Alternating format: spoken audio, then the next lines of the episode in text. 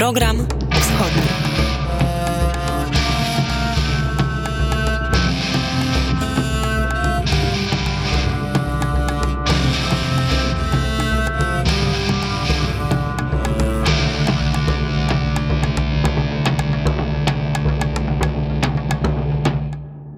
Dzień dobry, witam Państwa serdecznie. Program Wschodni, jak zawsze w soboty o tej porze. Konrad Mędrzecki opuścił już y, studio, a wita się z Państwem Wojciech y, Jankowski. Dzisiaj w dużym stopniu nasza audycja będzie poświęcona temu, co dzieje się na Kaukazie Południowym.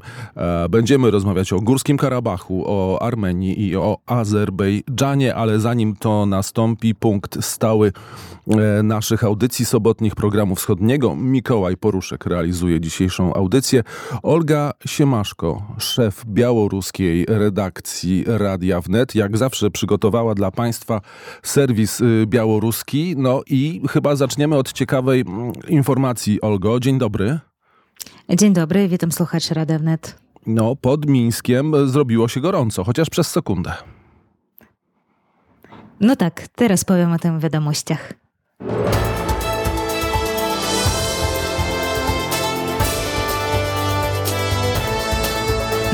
УНЕТ Под мінськом висадзона Торы калійова яка і у вибуху выбуху свышаным в променю 8 кілометрів поінформував опозиційний канал Матолка Хелп на Телеграмі. Ведлук яго źródeł samochody straży pożarnej były widziane w okolicach Turów kolejowych do drugiej w nocy.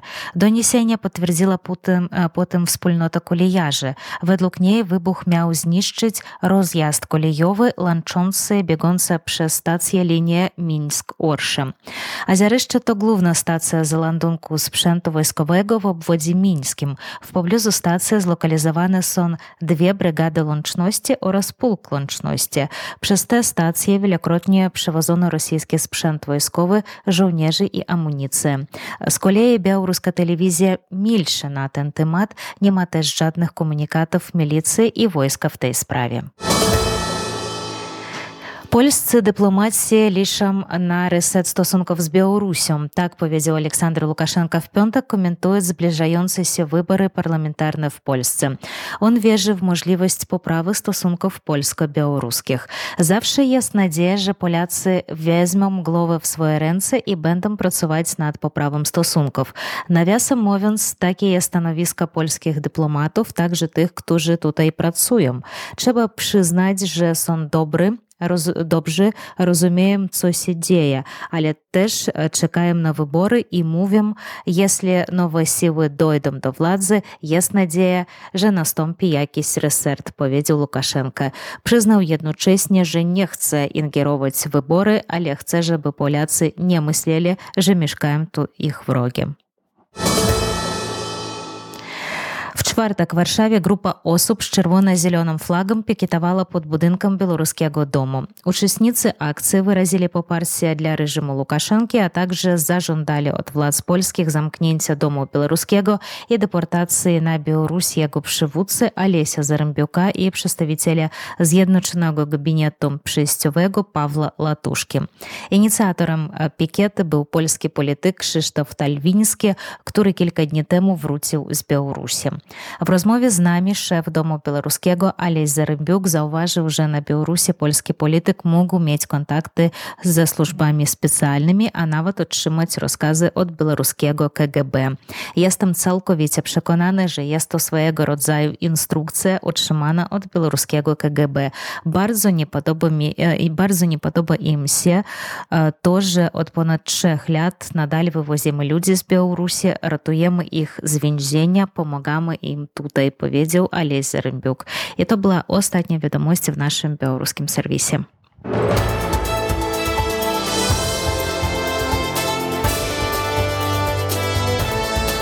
Nawiny UNET. Dziękujemy za serwis białoruski Oldze Siemaszko, którą Państwo usłyszą prawdopodobnie w środę w studiu białoruskim, bo wtedy też e, Białoruś wraca, ma całą swoją audycję na antenę Radia Wnet, a po drugiej stronie telefonu powinien być dr Konrad Zasztoft. Biorę głęboki wdech. Instytut Orientalistyczny. Mam nadzieję, że... Nie, nie, nie, nie. Już wydział, wydział. Wydział. Niesamowite. To mój mózg po prostu, ja już jestem y, stary i mój mózg się cofa. Na pamięć z czasów studenckich. Dzień dobry. Dzień, dobry. Dzień dobry. Orientalistyczny Uniwersytetu Warszawskiego. Na naszych oczach y, dopiero co w mijającym y, okresie przestało istnieć, różnie to y, jest nazywane, państwo nieuznawane, parapaństwo, e, w każdym razie górski Karabach de facto już nie istnieje, a formalnie od 1 stycznia e, wszelkie struktury przestaną działać. E, no tak, i tutaj jeszcze dodając te, mm, e, te nazwy e, Górskiego Karabachu, tak, no, w terminologii ormiańskiej też używa się tej nazwy Arcach, tak, i to jest to jest nazwa, która się odnosi do mm, jednej z prowincji, starożytnych prowincji mm, no, Królestwa Armenii, właśnie jeszcze z, z, z okresu starożytności. E, mm, więc tu można jeszcze e, to dodać i to jest o tyle istotne, że tutaj przechodzę do kwestii, dlaczego ten, ten region był taki, jest, pozostaje ważny dla, dla Ormian, ale zaraz powiem czemu też i dla, dla Azerów jest jest tak, tak bardzo ważny. No właśnie dla Ormian to jest ta, e, ta jedna ze starożytnych e, prowincji no, tego terytorialnie olbrzymiego państwa, tak, które obejmowało tam dużą część wschodniej e, wschodniego, wschodniej Azji Mniejszej, tak, ale również i Kaukaz, tak, e, gdzie w tej chwili e, funkcjonuje Republika Armenii, tak, ale także właśnie ten obszar e, Górskiego Karabachu w ramach Azerbejdżanu, gdzie przez 30 lat istniało to nieuznawane państwo Republika Górskiego Karabachu, czy też jak Ormianie też nazywali Republika Arcachu. No przez stulecia to było też takie powiedzmy jedyne miejsce no właśnie na Kaukazie, gdzie e, po różnych e, wydarzeniach takich jak wysiedlenia Ormian przez pod, pod panowaniem perskim, tak, władcy Persji wysiedlali z Kaukazu Ormian i w zasadzie Ormianie tam zostali jako niewielka grupa na Kaukazie w, właśnie w tych górach, w Górskim Karabachu, więc to było jedyne miejsce, gdzie oni tam przetrwali, mieli pewną swoją, e, ci lokalni książęta, feudałowie, pewną swoją autonomię. Stąd to miejsce jest takie ważne, jako to miejsce takiej ciągłości, gdzie, gdzie ta Armenia, która przestała istnieć e, w tak głębokim średniowieczu jako państwo, tam ciągle, e, tam ciągle rzeczywiście mm, no, jakaś taka namiastka tej państwowości istniała. Teraz dlaczego dla, dla Azerbejdżanu to jest tak ważne miejsce? E, Górski Karabach.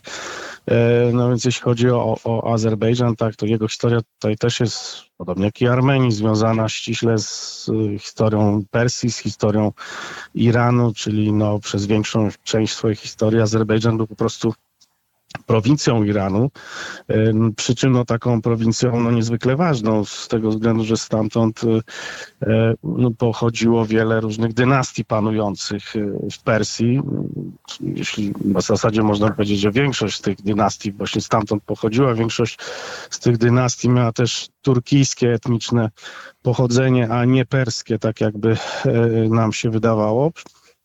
E, tylko właśnie turkijskie, czy współcześnie z tymi kategoriami mówiąc właśnie e, azerbejdżańskie. Natomiast na e, etapie XVIII wieku, kiedy doszło do takiego rozbicia dzielnicowego w Persji, tak, na tym regionie Kaukazu, Kaukazu Południowego powstały, powstał szereg szereg państw e, takich niewielkich właśnie hanatów, e, hanatów azerbejdżańskich i jednym z takich najistotniejszych hanatów, najważniejszych politycznie, kulturowo był właśnie hanat e, Hanat Karabaski, bo wówczas już Ormianie właśnie nie, nie byli większością w tym regionie, większością byli e, turkijscy muzułmanie, tak, czyli współcześnie powiedzielibyśmy Azerbejdżanie. No i stolica tego e, Hanatu Karabachskiego, Szusza, stała się takim właśnie głównym centrum kulturowym, politycznym dla, dla tego etnosu azerbejdżańskiego, tak, stąd współcześni Azerowie patrzą to na to też jako na taką kolebkę swojej państwowości. No więc to pokazuje, jaki tutaj jest węzeł gordyjski, tak, bo dla, dla obu narodów to miejsce ma szczególne, e, e, szczególne znaczenie, no i powiedziałbym przede wszystkim symboliczne, bo gospodarczo to nie jest jakiś e, demograficznie, to nie jest jakiś ważny region. To tam jedyny potencjał Górskiego Karabachu to w zasadzie jest turystyka, tak, bo to jest, jest, jest piękny, no, górzysty region z zabytkami, tak, ale no, gospodarczo, mimo tego, co mówią oba, oba narody, tak, bo oni, tak, Ormianie mówią, że to był taki spichlerz Armenii, e, Azerowie też mówią o tych złożach różnych e, surowcach mineralnych, które tam są w regionie, ale tak naprawdę no tu bardziej chodzi o tą symbolikę, tak, o to znaczenie dla E, tożsamości narodowych e, obu, e, obu krajów. No i, i, i oczywiście no tutaj już nie, nie streszczę w skrócie tej historii 30 lat ostatniego, ostatnich tego konfliktu o Górski Karabach, no ale rzeczywiście no to wydarzenie, jakim jest likwidacja tej nieuznawanej republiki, no to jest wydarzenie bez precedensu, tak, bo, bo no nikt się nie spodziewał, że, że taki będzie finisz tej tej, tej republiki no, do, do, do 2020 roku, do tej tak zwanej drugiej wojny o Górski Karabach, gdzie no po prostu Azerbejdżan pokazał, że, że no jednak siła militarna tutaj decyduje, a, a armia, ta ormiańska, no niestety dla Ormian jest, no reprezentuje przestarzałe standardy, nie jest w stanie obronić tego, tego regionu. Natomiast no, oczywiście to będzie miało też duże znaczenie dla, dla całego obszaru poradzieckiego, tak, gdzie y, no, mamy więcej takich separatystycznych y, regionów, czy to w Gruzji, tak, czy w Mołdawii, czy Ukraina oczywiście obecnie, więc to będzie miało też przełożenie na sytuację w tamtych innych regionach. To rzecz rzeczywiście nie bywała, bo przez 30 lat wydawałoby się, że te para państwa są nietykalne, że one będą trwały niemalże wiecznie. Teraz na naszych oczach, mm, znowu mówię na naszych oczach, przestało istnieć jedno z takich państw i to też jest e, trochę kwestia e, porażki prestiżowej Rosji, ale nie chciałbym w tej chwili wchodzić w ten temat. Czy jesteśmy w stanie określić, kto, mówiąc kolokwialnie, ma więcej za uszami? Czy nasz przekaz w mediach jest e, obiektywny, czy jest po czyjejś stronie. Intuicyjnie uważam, że jest po czyjejś stronie. Jak pan doktor uważa? No, w, moim, w moim przekonaniu, no tak jak z większością takich trudnych, trudnych kwestii, no po pierwsze, e, nikt nie jest w stanie tutaj e, jakby super obiektywnie tej, tej tak, tak skomplikowanej kwestii e, przedstawić, no ale oczywiście media bardzo, bardzo upraszczają, tak, e, stąd ja tutaj nie bez powodu pozwoliłem sobie tak dużo miejsca poświęcić tej, tej głębokiej historii Górskiego Karabachu, tak, od, od, od starożytności przez średniowiecze, tak, do, do XX wieku, e, no żeby pokazać, jak bardzo to jest, to jest zawikłany ten, ten, ten, ten spór, tak. No a rzeczywiście często w naszych mediach tutaj jakby jest tylko ta, ta perspektywa, że, że właśnie no, Ormianie to jest ten starożytny naród Kaukazu, tak, i, e, i, i, i że, że ten Arcach jest ich regionem odwiecznie związanym z E, z mm, historią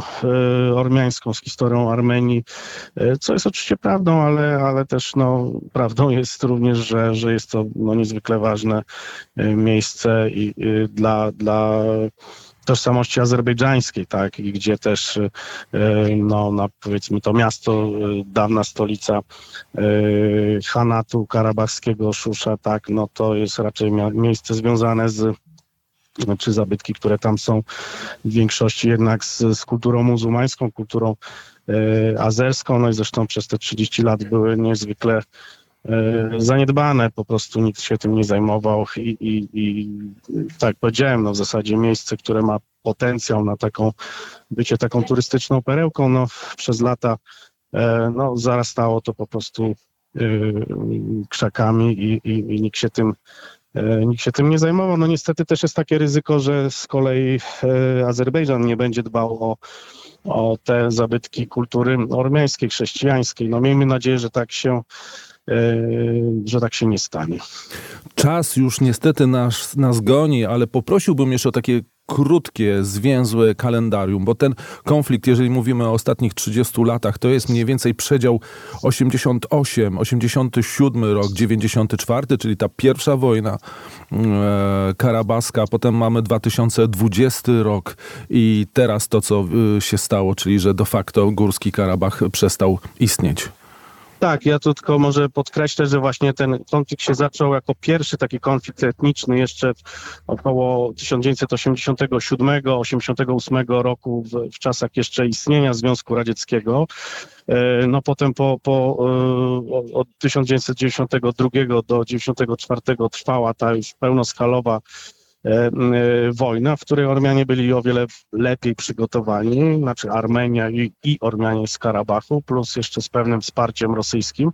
No i udało im się rzeczywiście e, no, decydująco tutaj zwyciężyć w tej, w tej, w tej w tej wojnie, tak? I przez 30 lat kolejnych, no jakby też Ormianie żyli w takim przekonaniu, że militarnie są silniejszą stroną, no nie zwracając uwagi na to, że Azerbejdżan, który stał się bogatym państwem ze względu na sprzedaż ropy, gazu, no, wydawał olbrzymie pieniądze na armię i rzeczywiście w 2020 roku doszło do tej drugiej wojny e, karabaskiej, gdzie okazało się, że no, ta armia ormiańska nie ma szans w starciu z, e, z azerbejdżańską.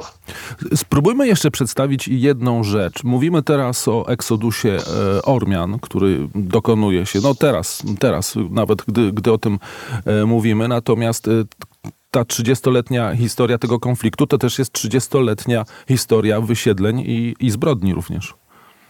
Tak, no to jest oczywiście dramatyczna sytuacja, to co się w tej chwili wydarzyło, czyli wyjazd tych 100 tysięcy Ormian z, z no nie wiem ile dokładnie wyjechało, rząd Armenii mówi o 100 tysiącach, czyli praktycznie o wszystkich mieszkańcach ormiańskich Karabachu.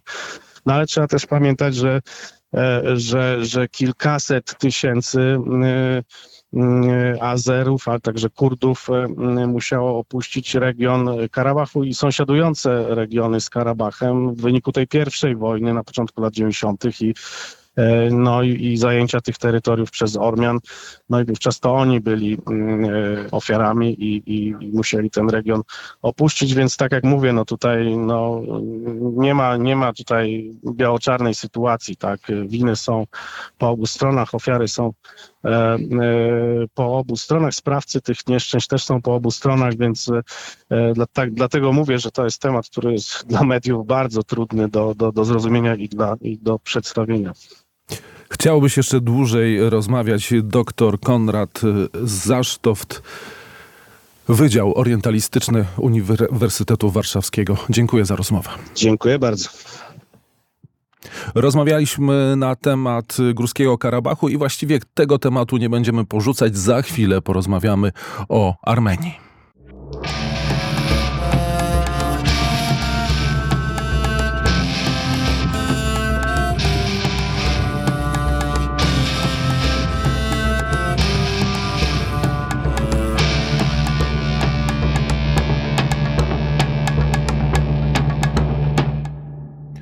A program wschodni przenosi się z Warszawy do Łodzi, bo tam jest dr Tomasz Lachowski, Katedra Prawa Międzynarodowego i Stosunków Międzynarodowych Uniwersytetu Łódzkiego. Dzień dobry. Dzień dobry panie redaktorze, dzień dobry państwu. Tak się składa, chociaż to oczywiście nie jest przypadek, y, bo to są naczynia połączone, że na początku tego tygodnia Armenia ratyfikowała mm, rzymski statut Międzynarodowego Trybunału y, Karnego. I konkluzja jest taka, często mówimy, że Władimir Putin, gdyby wylądował w Erywaniu, zostałby prawdopodobnie aresztowany, ale ta sprawa dotyczy też tego konfliktu, który teraz trwa Mm, trwa od 30 y, lat, ale chodzi tak naprawdę o ten okres od 2020 roku, bo w ten sposób Erywań będzie mógł domagać się karania e, Azerów, którzy dokonali zbrodni, jeżeli dobrze rozumiem e, zaistniałą sytuację. Faktycznie ten proces ratyfikacji e, Statutu Rzymskiego Trybunału Karnego w Hadze bardzo przyspieszył. W zasadzie można rzec, że Armenia podpisała ten statut jeszcze w latach 90., natomiast przez dwadzieścia kilka lat proces był zablokowany przez problemy natury konstytucyjnej. Sąd konstytucyjny stwierdził Armenii, że rozwiązania, które Trybunał Karny w Hadze posiada, na przykład to, że właśnie może osądzać sprawców zbrodni, będzie niezgodny z konstytucją Armenii, to było myślenie bardzo błędne z perspektywy w ogóle prawnej, ale także i politycznej. Dopiero właśnie wydarzenia tej drugiej wojny karabachskiej spowodowały, że e, władze Armenii, tutaj zwłaszcza premier Paszynian, dostrzegły, że ten instrument w postaci bycia członkiem e, Trybunału będzie bardzo korzystny e, dla właśnie erywania. I faktycznie do tego, do, do, do, do tej ratyfikacji teraz dochodzi. Czekamy jeszcze na podpis prezydenta, a to już jest kwestia formalna i kwestia czasu, e, co spowoduje, że rzeczywiście Armenia stanie się tym 124 państwem, które akceptuje e, Trybunał. Z perspektywy e, kontekstu azerbejdżańskiego i karabachskiego, tutaj faktycznie warto zauważyć, że pewnym problemem, i to dość sporym, jest to, że Górski Karabach zawsze formalnie był częścią Azerbejdżanu.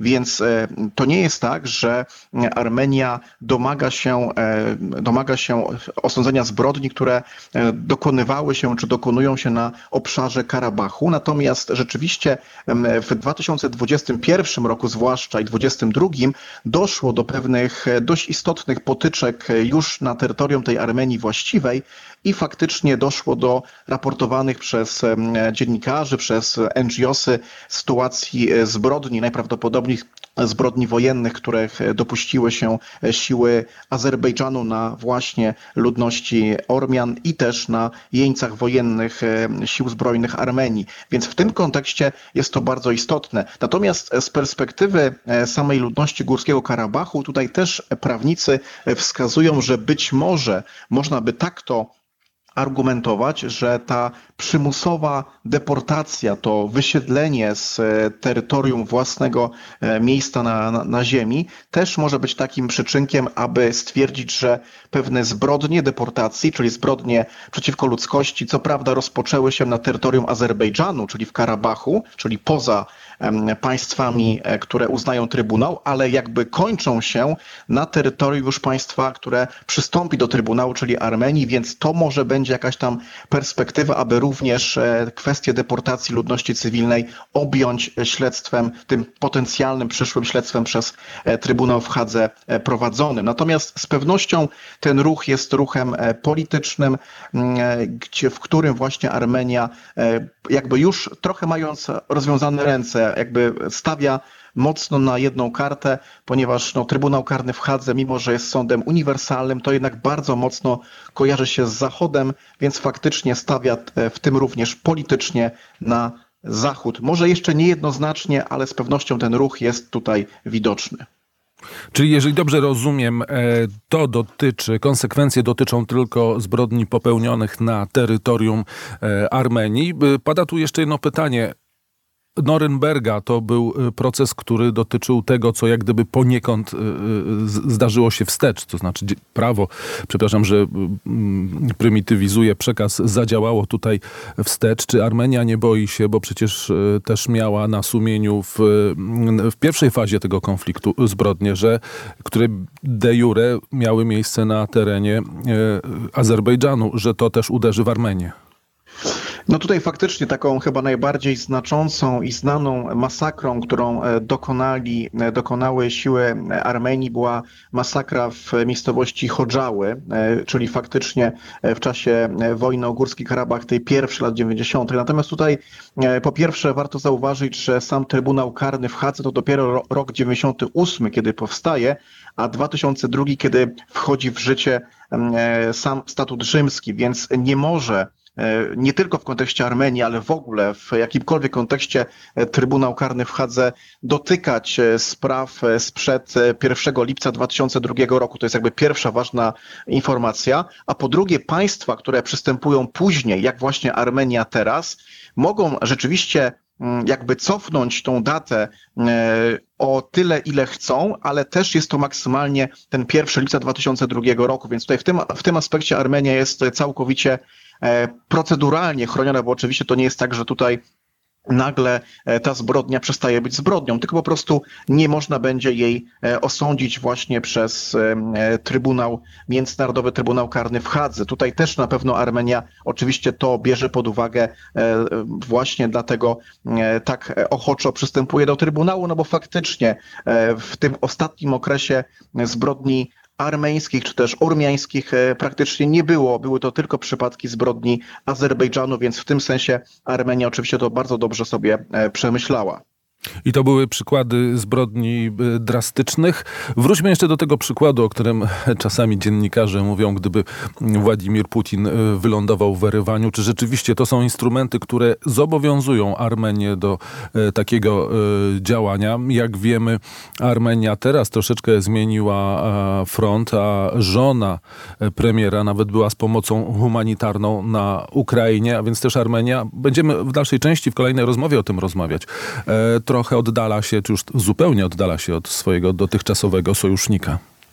No to prawda, tutaj też te głosy, które płynęły z Moskwy, e, potępienia decyzji Armenii o właśnie ratyfikacji e, i e, akceptacji Trybunału były bardzo, bardzo głośne i faktycznie to jest tak, że ta ratyfikacja to jednocześnie pełne zobowiązanie prawne, aby wykonywać wszelkie orzeczenia Trybunału, w tym właśnie nakazy aresztowania.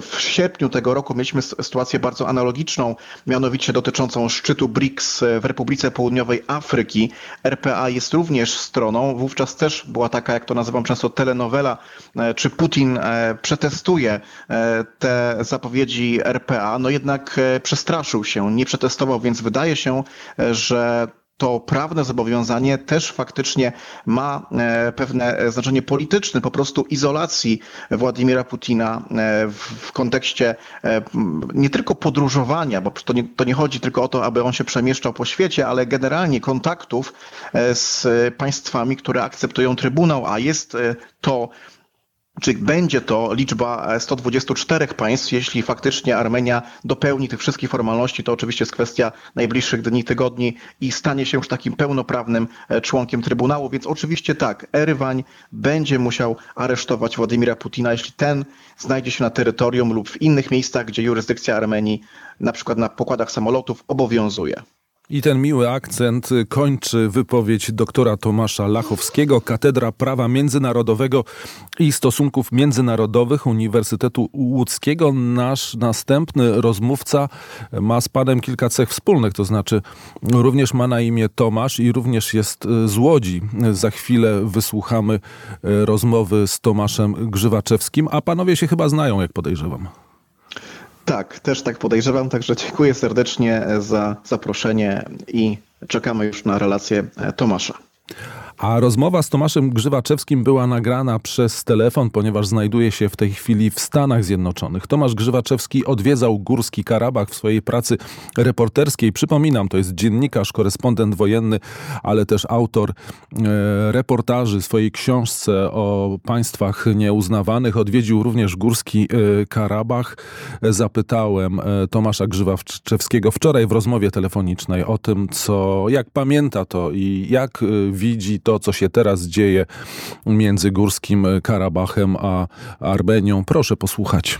Ja miałem okazję wielokrotnie być w tym państwie nieuznawanym, które już nie istnieje. Trudno powiedzieć, że ono zniknęło z mapy, bo na mapach w zasadzie nigdy Karabachu nie było jako, no właśnie, tak zwane państwo nieuznawane, państwo, ono nie było oznaczane chociażby na mapach Google. Gdyby kiedyś Państwo weszli na mapy Google, to nie znaleźliby tam mm, państwo Górskiego Karabachu. Natomiast ono faktycznie istniało. Miało swoje granice, prezydenta, parlament, y, sądownictwo czy armię. Miało wszystkie atrybuty mm, faktycznie istniejącego państwa, mm, którego w tym momencie rzeczywiście już nie ma, bo w wyniku tej błyskawicznej inwazji Azerbejdżanu zlikwidowano to, co z Górskiego Karabachu pozostało po roku 2020, tam wtedy doszło do drugiej wojny o Karabach, już wtedy część terytorium e, Karabachu została mm, zajęta, czy z perspektywy Baku wyzwolona przez siły azerbejdżańskie.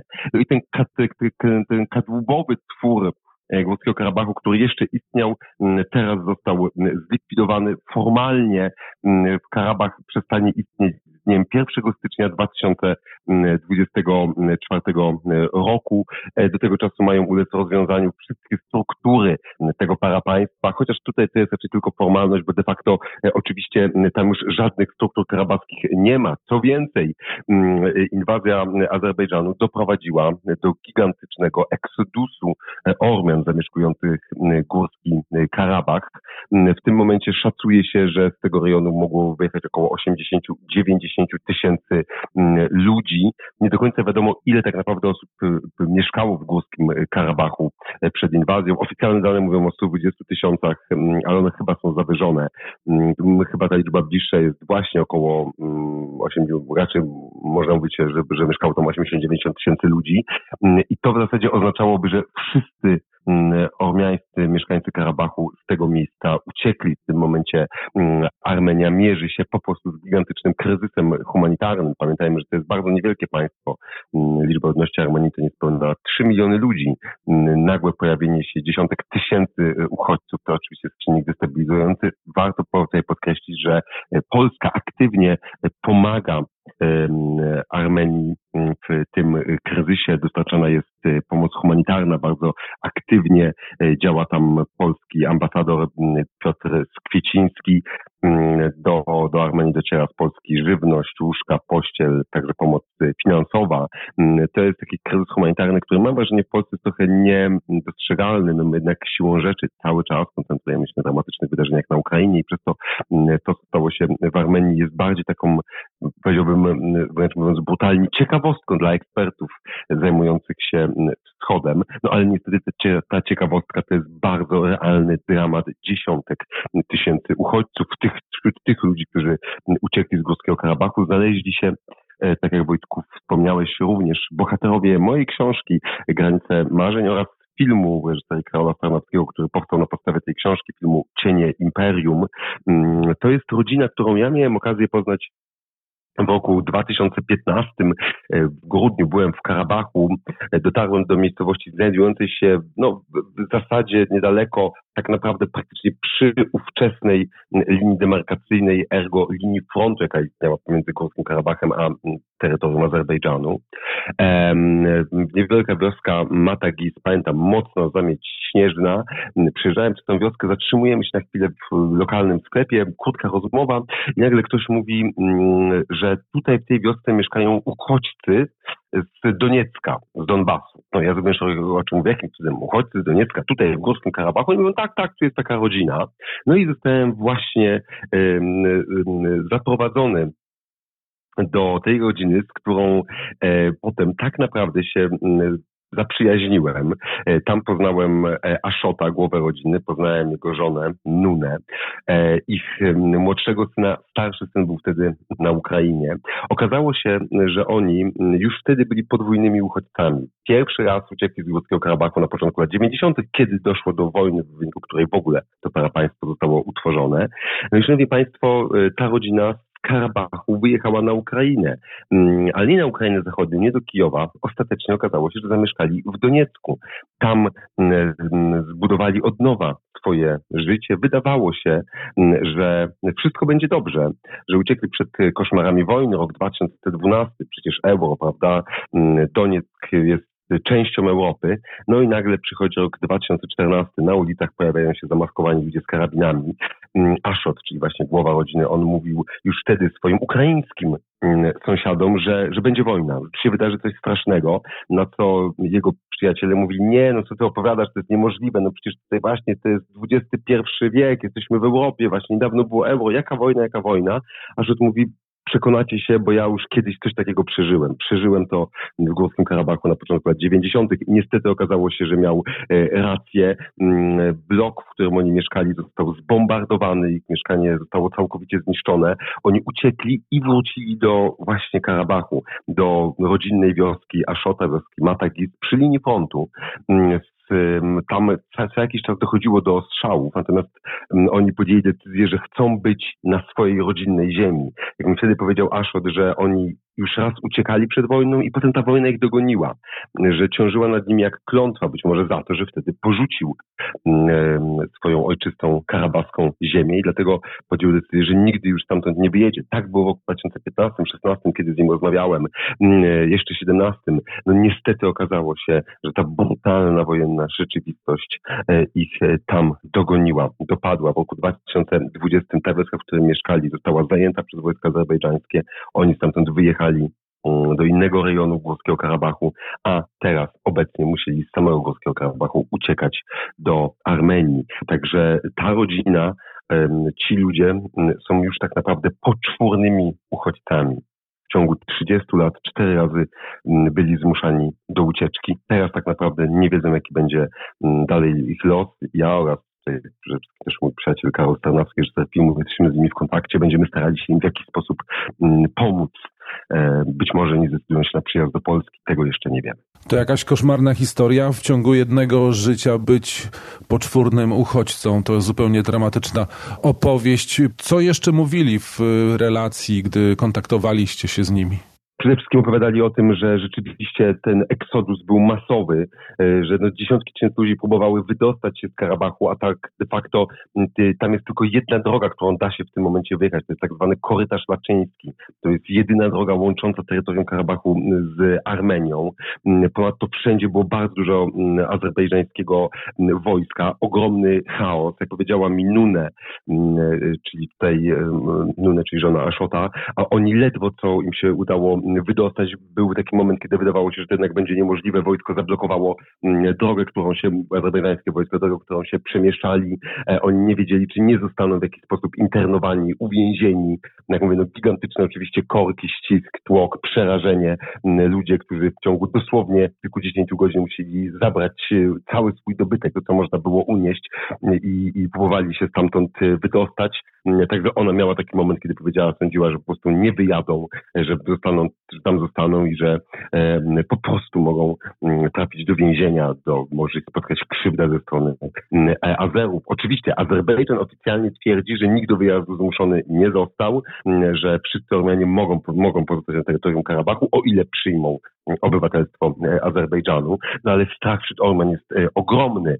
Pamiętajmy, że Ormianie to jest naród, który do, doświadczył traumy ludobójstwa na początku XX wieku i w Ormianach ta pamięć historyczna jest cały czas niezwykle silna. To, to, to traumy ludobójstwa to nie, to, nie jest, to nie jest trauma, która zniknie po kilku, nawet kilkudziesięciu latach. To są traumy wielo, wielopokoleniowe. W swojej pamięci historycznej Ormianie pamiętają, wiedzą, że kiedyś próbowano ich fizycznie zniszczyć. Próbowano mm, sprawić, żeby Ormianie zniknęli z powierzchni ziemi.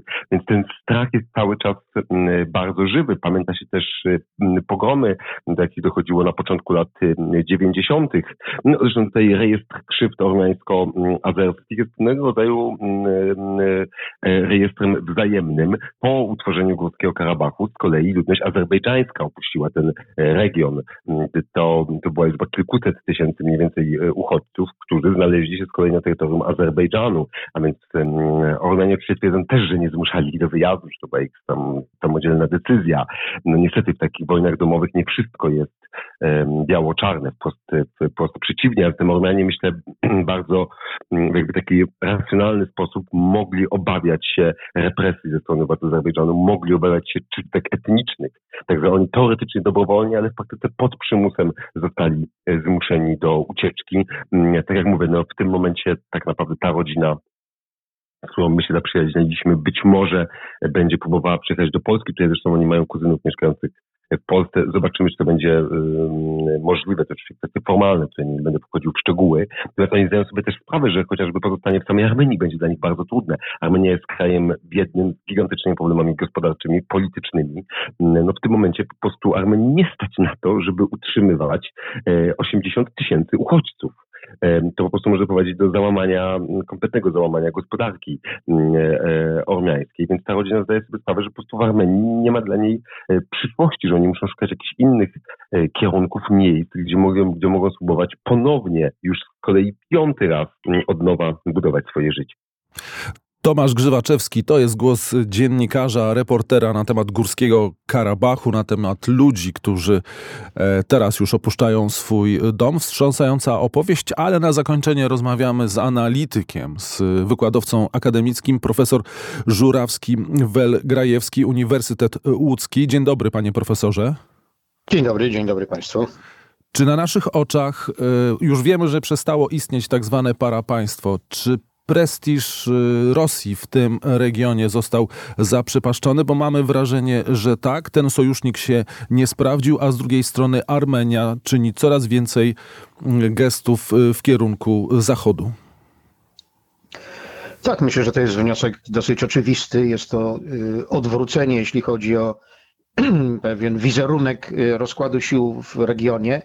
E, sytuacji wytworzonej w 2008 roku przez e, inwazję rosyjską e, na Gruzję, gdzie okazało się, że ówczesne bliskie związki Gruzji ze Stanami Zjednoczonymi nie uratowały tego państwa. To teraz jest odwrotnie. Bliskie związki Armenii z Rosją też nic jej nie pomogły, a zatem Rosja jako sojusznik, zresztą niczyim innym sojusznikiem w regionie nie była, straciła ów prestiż skutecznej tarczy przed e, zagrożeniem bez względu na literę traktatów, bo oczywiście w sensie czysto prawniczym e, Rosja nie udzielała e, gwarancji Armenii obejmujących obronę Górskiego Karabachu, który w świetle prawa międzynarodowego, włącznie z, tymi, z tą jego wykładnią, jaką przyjęła Rosja, nie był częścią terytorium państwowego Armenii, tylko częścią terytorium państwowego y, Azerbejdżanu. Y, zatem y, fakt prowadzenia operacji wojennych na tym obszarze przez wojsko azerskie nie był casus belli, nie był zapisanym traktatowo przypadkiem, w którym uruchomiony powinien być sojusz ormiańsko-rosyjski. Niemniej jednak zapisy prawnicze to jeden wymiar, a odbiór społeczny i wymiar polityczny to drugi. I w tym zakresie oczywiście Rosja bardzo mocno straciła, jeśli chodzi o prestiż i o wpływy w regionie, tym bardziej, że przecież za Azerbejdżanem, o czym wszyscy wiedzą, stoi potężna i wciąż potężniejąca Turcja z drugą co do wielkości armią w NATO, a Rosja zaangażowana na Ukrainie, gdzie przecież też nie błyszczy sukcesami. Ewidentnie chciała, czy nie chciała, czy był taki zapis w traktacie, czy nie, nie była w stanie skutecznie interweniować, narażając się na konfrontację z Turcją, nie tylko z Azerbejdżanem. Więc oczywiście jest to demonstracja słabości Rosji i wnioski z tego, zresztą wyciągnięte przez Paszyniana, przez premiera, przez, przepraszam, tak, Armenii, oczywiście są takie właśnie. A rosyjska narracja bardzo często myli przyczynę ze skutkiem i pokazuje, że te gesty armeńskie, to znaczy wizyta żony premiera w, z pomocą humanitarną na Ukrainie, to, że zezwoliła na ormiańsko-amerykańskie manewry, ćwiczenia, a z drugiej strony nie, nie zgodziła się na takie, jeśli chodzi o e, Rosję, że to jest przyczyną klęski. Natomiast mam wrażenie, że było inaczej. To znaczy Armenia zawiodła się na swoim dotychczasowym sojuszu sojuszniku i wybrała inny wektor. Tak, oczywiście. No, jest tak, że y, jak powiedziałem, bez względu na zapisy traktatowe, ormiańska opinia publiczna y, czuje się porzucona przez Rosję i ten zwrot polityczny Paszyniana, który zresztą od początku, od objęcia władzy y, nie cieszył się poparciem Rosji, Y, jest w tej chwili y, oczywisty i wynika zarówno z nastrojów, jak i z układu sił fizycznych. Przypomnijmy, że gdy Armenia y, zakwestionowała status terytorialny wynikający z prostego odziedziczenia linii podziałów z czasów Związku Sowieckiego, czyli kiedy poparła separatyzm Górskiego Karabachu, wygrała tę wojnę, zresztą z poparciem Rosji i zajęła nie tylko Górski Karabach, ale także sąsiadujące z nim obszary Azerbejdżanu, z których usunięto wtedy, wygnano też masę ludzi i panowała nad tym obszarem z pozycji siły. I w istocie co najmniej od 2017 roku zaczynało być jasne, od narastających incydentów zbrojnych, że Azerbejdżan, który przez lat blisko 30 usiłował jako strona słabsza wojskowo wówczas odzyskać te tereny w drodze dyplomatycznej, a jednocześnie rósł demograficznie, w odróżnieniu od Armenii, skąd duża emigracja powodowała raczej zmniejszanie ludności i przede wszystkim rósł ekonomicznie dzięki dochodom z ropy naftowej, co pozwalało mu się dobrze uzbroić. I ta sytuacja z początku lat 90., gdzie przewaga fizyczna, wojskowa była po stronie Armenii, została w istocie przez Ormian zmarnowana, to znaczy zamrożona z wyobrażeniem, że będzie trwała wiecznie, co było wyobrażeniem naiwnym. Gdyby Ormianie wtedy poszukiwali jakiegoś rozwiązania politycznego, to być może, to też oczywiście nigdy nic na pewno nie wiadomo, ale być może ocaliliby jakąś część w zamian za oddanie tych terenów, na których Azerowie wcześniej stanowili zdecydowaną większość, a które Armenia po prostu okupowała, żeby mieć łączność terytorialną i jeszcze pewną, pewien bufor wokół Karabachu. I w tej sytuacji skazywała się na rozstrzygnięcie wojskowe, które zapadło w roku 20. Nie było trudne do przewidzenia, kto zwycięży w tej nowej konfrontacji po 30 latach z wielokrotnie większymi wydatkami zbrojeniowymi Azerbejdżanu i potencjałem demograficznym niż Armenii. I w tej chwili to są już tylko konsekwencje tamtego rozstrzygnięcia z roku 2020, a jednocześnie w kontekście związania sił Rosji na Ukrainie i generalnego zniszczenia prestiżu rosyjskiego, nawet nie tyle przecież przez wojnę na Kaukazie armeńsko-azerską, co przez wojnę na Ukrainie. Ten mit drugiej armii na świecie, co do siły i wielkości, został rozbity na polach bitewnych wschodniej Ukrainy, a nie na Kaukazie. Ale tak właśnie jest. Rosja tym prestiżem się już nie cieszy i nikogo straszyć skutecznie wszechmocą wojskową nie może. Szczególnie jeśli za tym kimś, kogo ma straszyć, stoi Turcja. I to są właśnie konsekwencje. Także myślę, że w naszym regionie ważne do uświadomienia, że ten argument, który podnoszą Ormianie, słuszny, w tym sensie, że tamte granice wyznaczył Stalin, co oczywiście nie jest tytułem do uznania ich jakiejś szczególnej moralnej wartości. No ale problem polega na tym, że Stalin wyznaczył granice w całej Europie Wschodniej, od Finlandii właśnie po Azerbejdżan. I gdybyśmy usiłowali je zmienić, tak jak próbę taką podjęli Ormianie, no to mielibyśmy wszędzie wojny i wszędzie zależność tych, którzy poszli drogą rewizjonizmu od Rosji, co kończy się, jak widać, tragicznie. Jak będzie wyglądał teraz układ sił?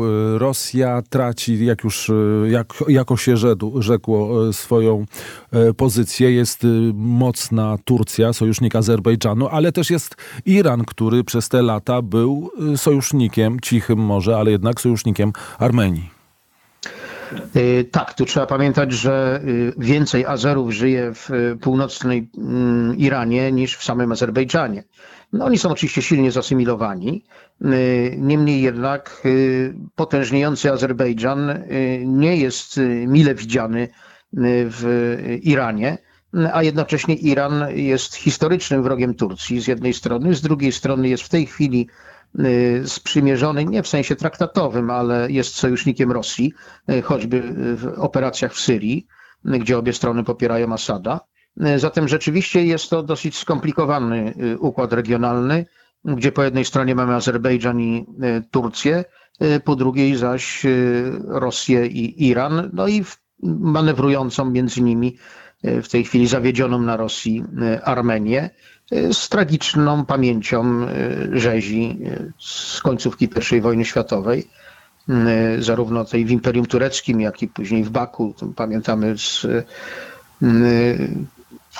Żeromskiego, tak, z, z przedwiośnia ten opis, wprawdzie literacki, ale on przecież był oparty na rzeczywistych wydarzeniach. I to wszystko powoduje, że sytuacja z punktu widzenia Ormian jest oczywiście tragiczna, natomiast no jest w tej chwili, moim zdaniem, tak jak powiedziałem, skutkiem ich wyborów z początku lat 90., postawienia na Rosję i na rewizjonizm terytorialny i później niezdolności polityczno-mentalnej do eksploatowania zwycięstwa wojskowego z początku lat 90., wtedy, kiedy mieli przewagę. Czekanie, aż ta przewaga zniknie no musiało się skończyć tak, jak się właśnie kończy. Panie profesorze, mamy już niewiele czasu, dosłownie 90 sekund. E, Jakie wnioski, jaka nauczka dla nas tutaj w Polsce? No, myślę, że przede wszystkim taka, że y, Rosji nie należy się bać, że nie jest wszechmocna, y, że y, no, to nam nie grozi, nie byliśmy tak kuszeni nigdy. Stawianie na Rosję jest błędem strategicznym.